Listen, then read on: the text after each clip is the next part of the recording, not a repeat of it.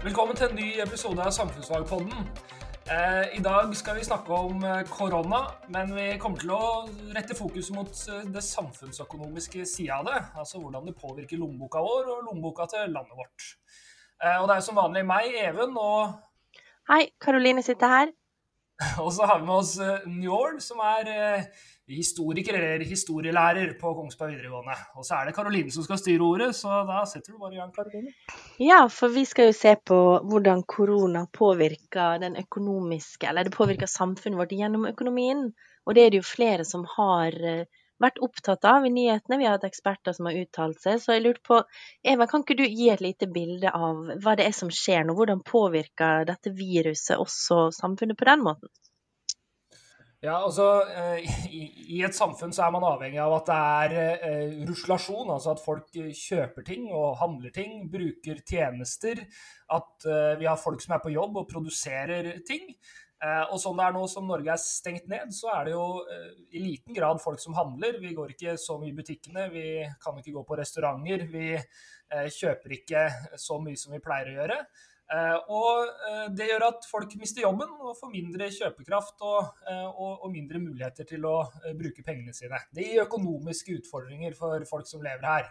Så er det en del eksperter som du sier, som har snakka om, om, det her. Og, og da er det bl.a. at, at NHO-sjefen som heter Dørum, han sier at vi ser et kraftig oljeprisfall, og det her så vi i utgangspunktet. Eh, og at det har vært tendenser til en type finanskrise. Og i tillegg så stenger vi ned landet, og det gir enorme økonomiske konsekvenser. Det ser vi jo på at Oslo Børs faller, altså verdien på de ulike selskapene faller. Norwegian har vært i fritt fall og har stått i fare for å gå, eh, gå konkurs. Eh, og eh, vi ser også at, eh, at mange små bedrifter rundt omkring i landet har veldig store utfordringer nå. Og så er det en økonomiprofessor som heter Karen Helene Ultveit Moe, som sier at det her er også knytta til, til, verden rundt oss, og sier at det er et sammenvevd globalt produksjonssystem. At vi derfor er absolutt av, avhengig av det de andre landene rundt omkring oss gjør. Uh, at, men at fortsatt uh, norsk verdiskapning og, og velferd blir påvirka av det. Så det her er på en måte situasjonen rundt oss. Ja, jeg lurer på, men hva kan vi gjøre med det her? For økonomi er jo noe som er menneskeskapt, det er noe vi mennesker styrer. Er det noe vi kan gjøre med det her? Jeg lurer på om Njål, om du har noen tanker om det? Eh, hallo, forresten. Eh, om jeg har noen tanker rundt hva mennesket Om hva vi kan gjøre med de økonomiske utfordringene. Eh, det viktigste for å komme seg ut av en sånn type krise, er jo å bevare tilliten da, i de økonomiske systemene, siden de økonomiske systemene er, eh, som du sier Karoline, menneskeskapte. Og hvordan bevarer vi tilliten i et samfunn?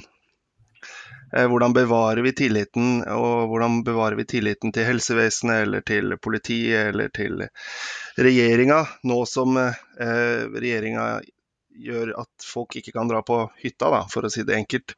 Eh, eh, der er det jo mange måter å tenke på, men vi ser jo at regjeringa prøver jo å opprettholde tilliten og de økonomiske motorene ved å ha forskjellige tiltakspakker eh, der de gir rett og slett forskjellige typer ordninger, gir penger lån uten rente og sånne ting, eh, til eh, forskjellige sektorer innenfor norsk økonomi. Både store, som eh, Norwegian, som Even nevnte, nevnte men også liksom små bedrifter og andre økonomiske sektorer. Så ved å liksom hindre at det politiske tapet, nei, det økonomiske tapet blir for stort, sånn at for mange bedrifter går konkurs, og at for mange selvstendig næringsdrivende ikke ja, eh, har råd til å fortsette med sine bedrifter, eh, så satser man i hvert fall på å bevare tilliten til det systemet vi har, da. Eh, det høres ut som politikk umiskjennelig. Er det sånn at alle partier på Stortinget er enige om at dette er måten å gjøre det på, eller det, er det politisk ulikhet om det?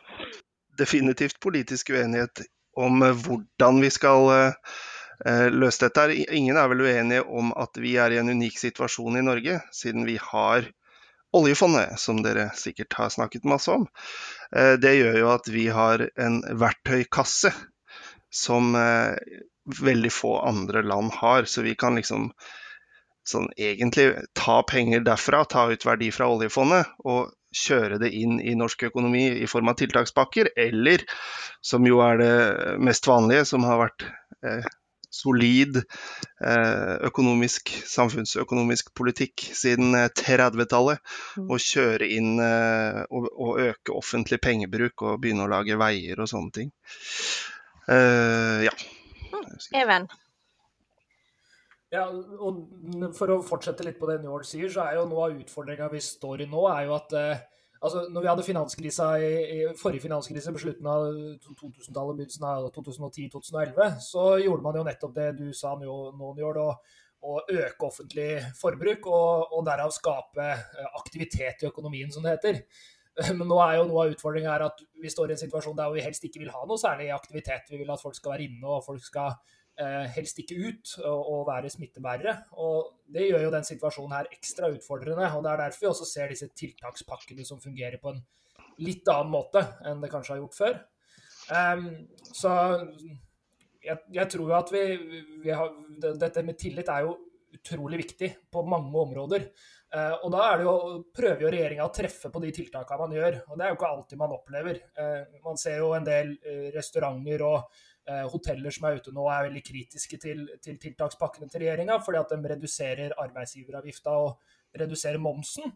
Og så har de ingen på jobb, for de har permittert alle ansatte. Og det er ingen som sover på hotellene deres eller spiser i restaurantene deres, så de, de, betaler heller ikke noe særlig moms. Så da er det jo eksempel på en tiltakspakke som ikke nødvendigvis treffer. Og det kan jo gå utover tilliten, da, hvis man ikke klarer å, å, å gjøre det på en, på en uh, treffsikker måte, da, som gjør at folk faktisk får hjelp. Ja, for det er jo noen som har problematisert altså de der noen tiltakspakkene. Eh, det var en økonomiprofessor, jeg husker ikke navnet hans eh, sånn på toppen av hodet, men han foreslo at istedenfor å gi ut store pakker til bedriften, så burde man heller gi ut en større sum til, hvert, eh, til hver husholdning for å holde hjula i gang. Og så da er vi litt inne på det der med at det, den økonomiske situasjonen Vi blir ramma forskjellig av koronakrisa her også. Er det noen som har noen tanker om det? Hvordan kan vi få eh, en likest mulig økonomisk bistand i denne situasjonen, sånn at det rammer likt? Det er jo nesten umulig. Eh, men det er jo mange forskjellige måter å gjøre det på. Den, den ordninga du nevnte nå, er jo det man kaller for borgerlønn. Altså at eh, Eh, at man får penger for å på en måte holde hjula i gang, og at det blir likt for alle. og Det var jo en måte for å redusere forskjellene i, i fordelinga. Men du ser jo også Danmark, som har valgt en annen ordning enn Norge. og Det er å, å støtte bedrifter helt sånn eh, støtte bedrifter med, med penger til å, å, å, på en måte betale faste kostnader for å sikre at bedriftene overlever. Det er jo en annen måte å gjøre det på. Og så finnes det sikkert en eh, enormt mange forskjellige måter å gjøre det på, men i stor grad så, så er det litt som vi prata om i forrige episode, at vi veit ikke helt hvordan ting drar i vei. Altså, vi har aldri hatt et samfunn i total lockdown, sånn som vi ser nå. Så vi veit ikke helt hvordan det påvirker økonomien heller. Og det er kanskje litt rart, for du sier jo Karoline at eh, økonomi er et menneskeskapt system. Eh, men det virker jo noen ganger som om Eh, som om, vi, som om det er et naturlig system. Det er det jo åpenbart ikke, men vi har ikke helt kontroll på det til enhver tid. Men, og det systemet som vi snakker om, da, det økonomiske systemet, det har jo blitt mer og mer globalisert. Eh, så det her, den norske økonomien henger jo selvfølgelig sammen med økonomien i andre deler av verden.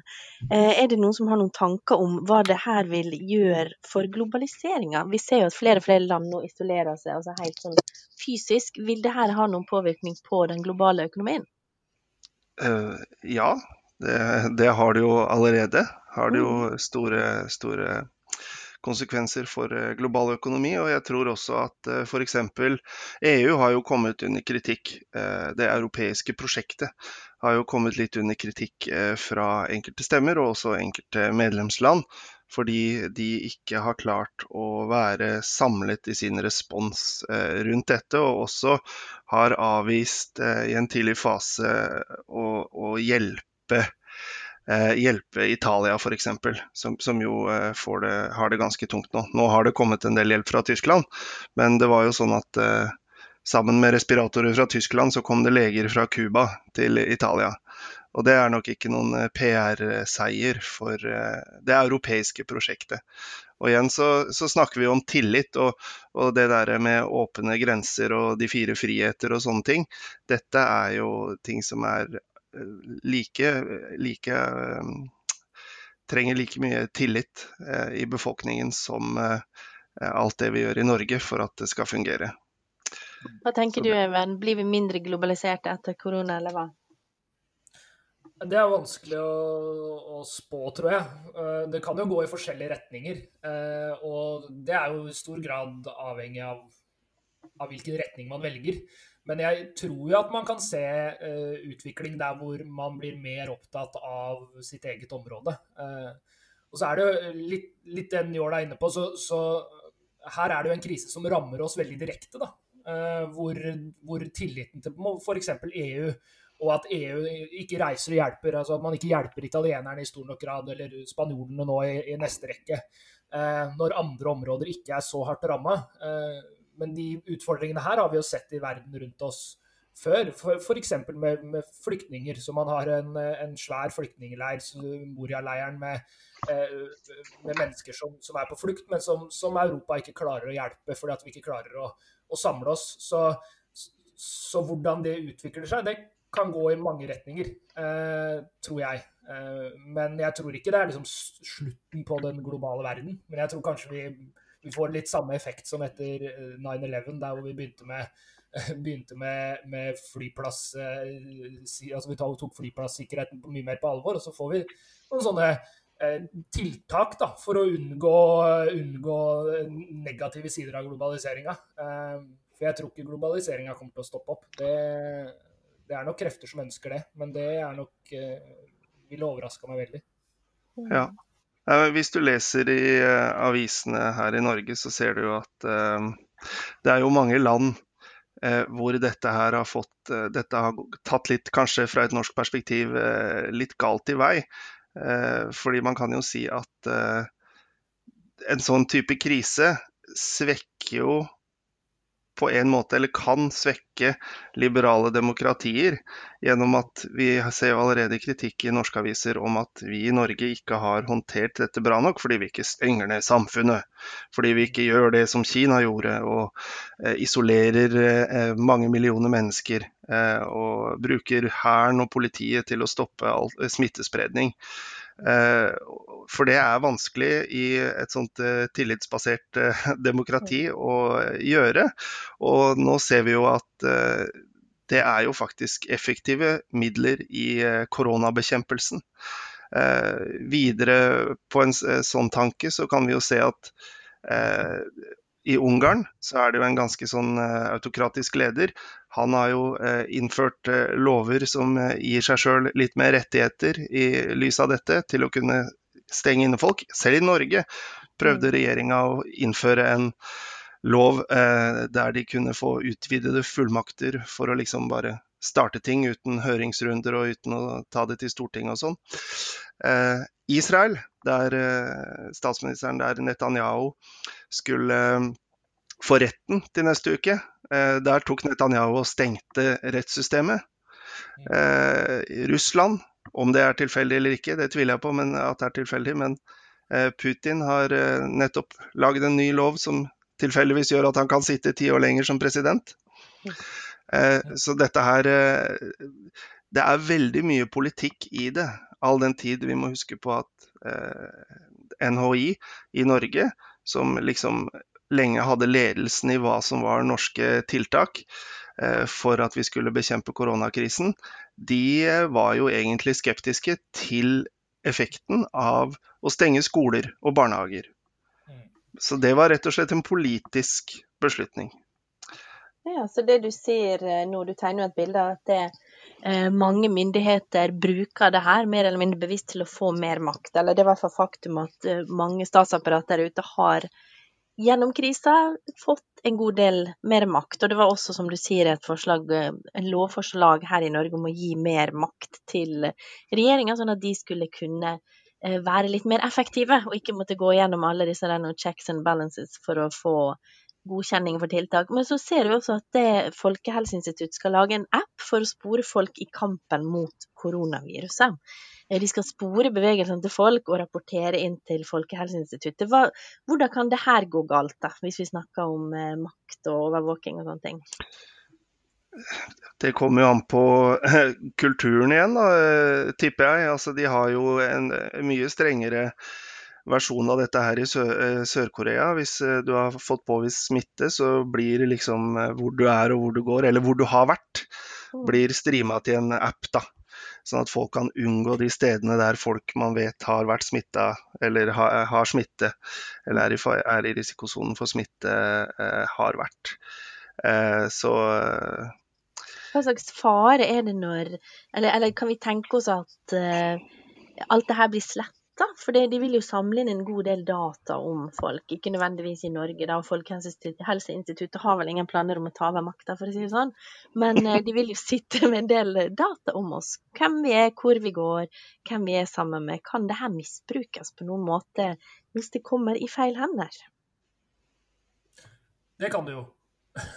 Eh, samtidig så tenker jeg at det er en, altså det vi, ja, det er ikke nødvendigvis positivt at man legger opp til overvåkning av befolkningen på den måten.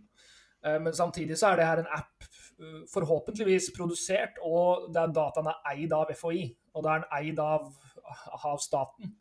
Eh, og så tror jeg vi så, det vil være litt hva skal man kalle det, litt rart om vi skal gå bananas fordi at FHI gjør det, når vi samtidig har på både den ene og den andre og den tredje sporinga på på eh, både Facebook og Google og det ene og det andre. Så eh, det her er på en måte sporing som allerede i stor grad skjer, og som vi allerede aksepterer at gigantiske pengemaskiner sitter på den informasjonen om oss. Så, så sånn sett så syns ikke jeg det er ekstremt urovekkende at man legger opp til den type overvåkning.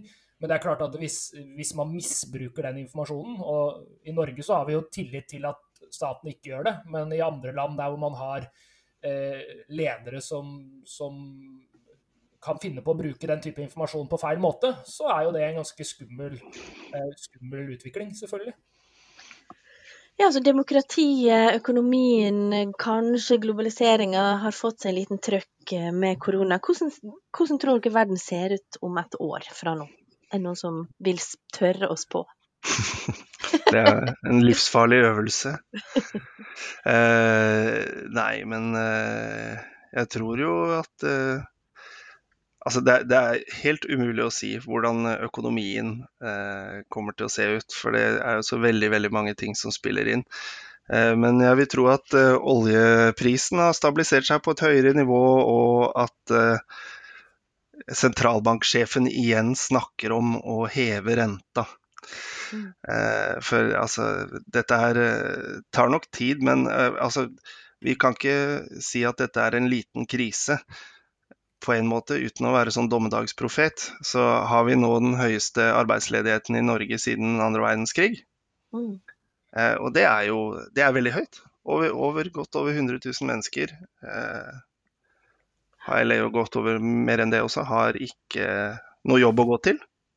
Eh, så jo lengre dette varer, eh, jo lengre må de eh, få hjelp av samfunnet til å få betalt eh, regningene sine. Det er klart at ja, og jo lengre det varer, vil jo flere og flere av de bedriftene de menneskene da i stor grad er permittert fra, vil jo da gå dukken eller gå konkurs. Og da har de ikke noe jobb. Så da må kan vi, hm? kan vi si at Norge er bedre rusta enn de fleste land til å kunne få til en overgang. Vi klarte oss rimelig godt gjennom finanskrisa, tross alt. Tror du at vi, vi, står sterkere enn de fleste andre land nå, eller er det en illusjon? Ja, så, på mange måter gjør vi jo det, men uh, det er uh, Tilliten er helt uh, sentral for at vi også skal stå sterkere. fordi Én ting er jo at vi har verdiene i oljefondet, men en annen ting som vi i Nord-Europa eh, er heldige å ha, er et veldig tillit til, eh, samfunnsstrukturene og til at samfunnet tar vare på en. Så med en gang disse tingene blir satt under press, så, så, så blir vi fort ikke noe bedre stilt enn resten. ja. Hva tenker du, Evian?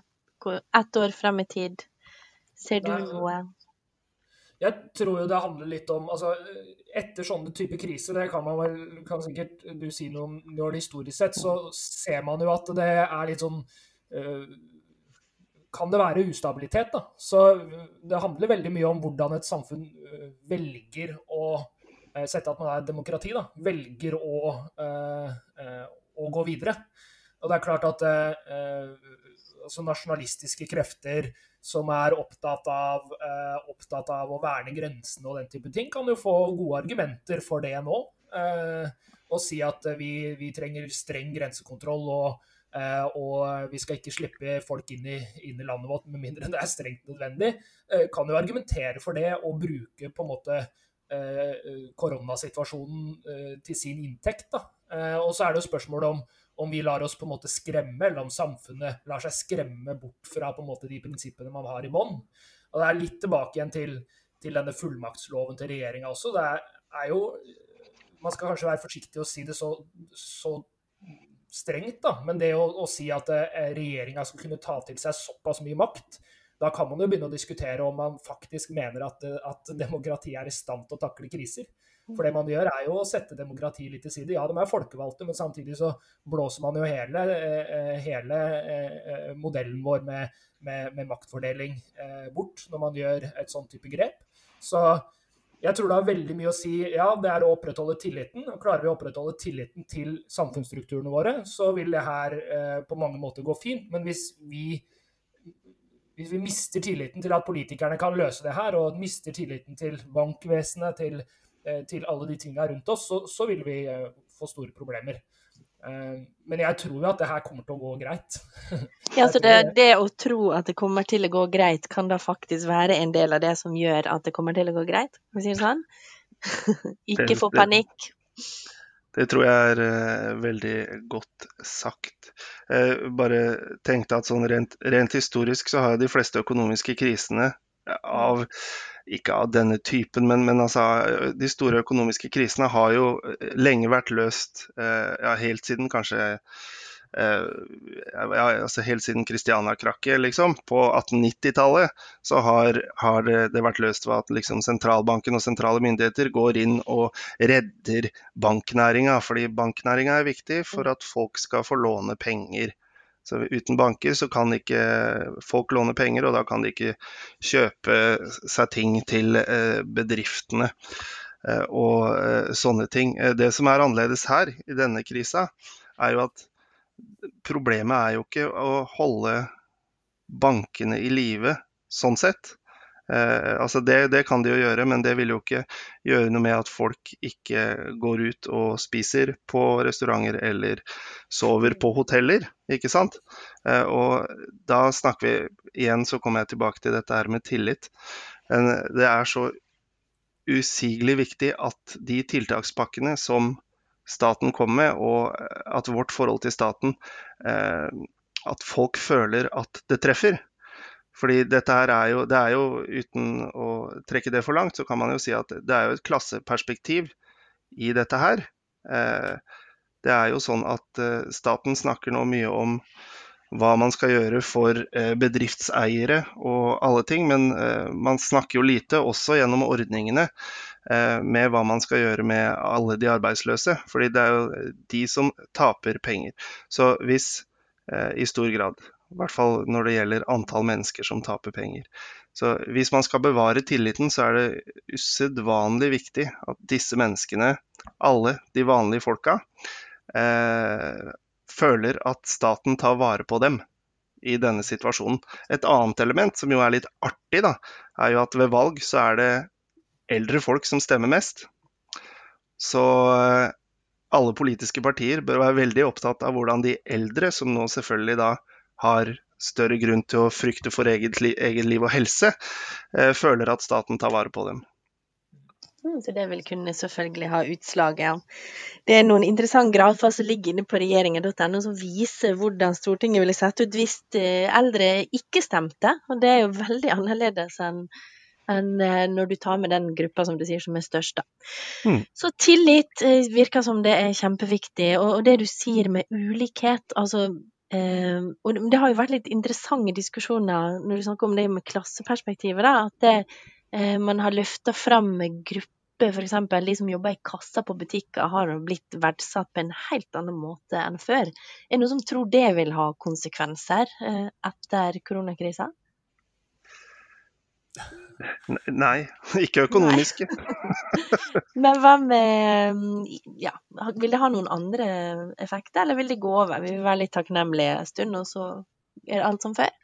Altså, vi vil vel eh, kunne høre det i retorikken til Sykepleierforbundet, tipper jeg, i et par år. Ja, de vil ha lønn og ikke klapping. Ja. Altså, de har jo et, eh, et godt eh, argument i en lønnsforhandling, men problemet er jo at, at, det er jo flere ting som spiller inn i en lønnsforhandling enn det. Det ligger jo også i, i samfunnsfaget, og der prater vi om lønnsdannelsen. Og, og, det er jo også andre ting som påvirker hvordan hvordan eh, lønn forhandles. Så jeg, jeg, tror ikke på en ekstrem eh, økning av lønna til, eh, til butikkansatte eller, eller, eller helsefagarbeidere og sykepleiere. Men de kommer helt sikkert til å argumentere for det, og på sett og vis har gode grunner for å argumentere for det også. Men Even, har ikke ja. lønnsforhandlingene blitt påvirka av korona allerede? Jo, de har jo blitt utsatt. Mm i stor grad. Så den vil jo komme etter, etter uh, eller utsatt til neste år. Uh, så, så, det er jo allerede en påvirkning. Mm. Eh, så får vi se hvordan det slår ut, da. Det er jo i hvert fall vanskelig å, å, ja. å nå. Men siste, siste, spørsmål. Det er noe som alle lurer på, inkludert 11-åringen i huset her. Kommer mm. Trump til å overleve koronakrisa politisk sett? ja, det tror jeg han gjør. Hvorfor? Ja. Nei, fordi han Altså, det Igjen, jeg, jeg, kan jo ikke garantere det, men det ser ut som han uh, har uh, eh, landa på et, et, bedre, et, bedre nivå nå. Han, uh, han fremstår litt mer statsmannsaktig. Uh, og så er det jo sånn i USA at det, kommer an på hva du sier med å overleve. Men, hva du mener med å overleve. Men ja. Blir han gjenvalgt, da? Har han, hvor store altså, sjansene for det nå? Altså at, at guvernøren i New York ikke liker han, eller at guvernøren i California uh, syns han håndterer dette dårlig, er ikke så farlig så lenge folket i Alabama og Midtvesten og oppover der uh, syns han håndterer dette strålende. For det er jo liksom, det er jo amerikansk politikk og hvordan, hva som skal til for å vinne valget. Han har jo gått opp på meningsmålingene, ser det ut som? Ja, fordi det er jo også det. Demokratiet er, vi kommer tilbake til dette med tillit, alltid under press i krisesituasjoner. Og da hegner man, hvis man er litt redd, så har man lyst til å ha noen man kan liksom lene seg litt på. Og da lener man seg jo på institusjonene i samfunnet sitt i veldig stor grad. Og da er det kanskje ganske naturlig at uh, flere folk uh, nå tenker at Trump, Trump er mannen, og her må vi, her må vi dra lasset sammen. Og han har begynt å si litt, litt sånn mer ordentlige ting. Han, han, han, tuller ikke like mye med at uh, korona er uh, noe tull som de har kontroll på om to uker og sånne ting. Så. Altså er det jo den andre sida. Én ting er den altså Det er jo en kjempeutfordring for en politiker som Trump å stå i den situasjonen han står i nå, men det er det for alle, alle politikere rundt omkring i, i, verden. Og han starta jo veldig skeivt ut. Men samtidig skal vi også huske på at uh, den situasjonen USA står i nå, og egentlig hele verden står i, er jo også veldig negativt for hans motstandere. For Joe Biden, som ble, mest sannsynlig blir eh, demokratenes kandidat, kan ikke eh, dra rundt i USA på, på svære valgkampsarrangementer i tida som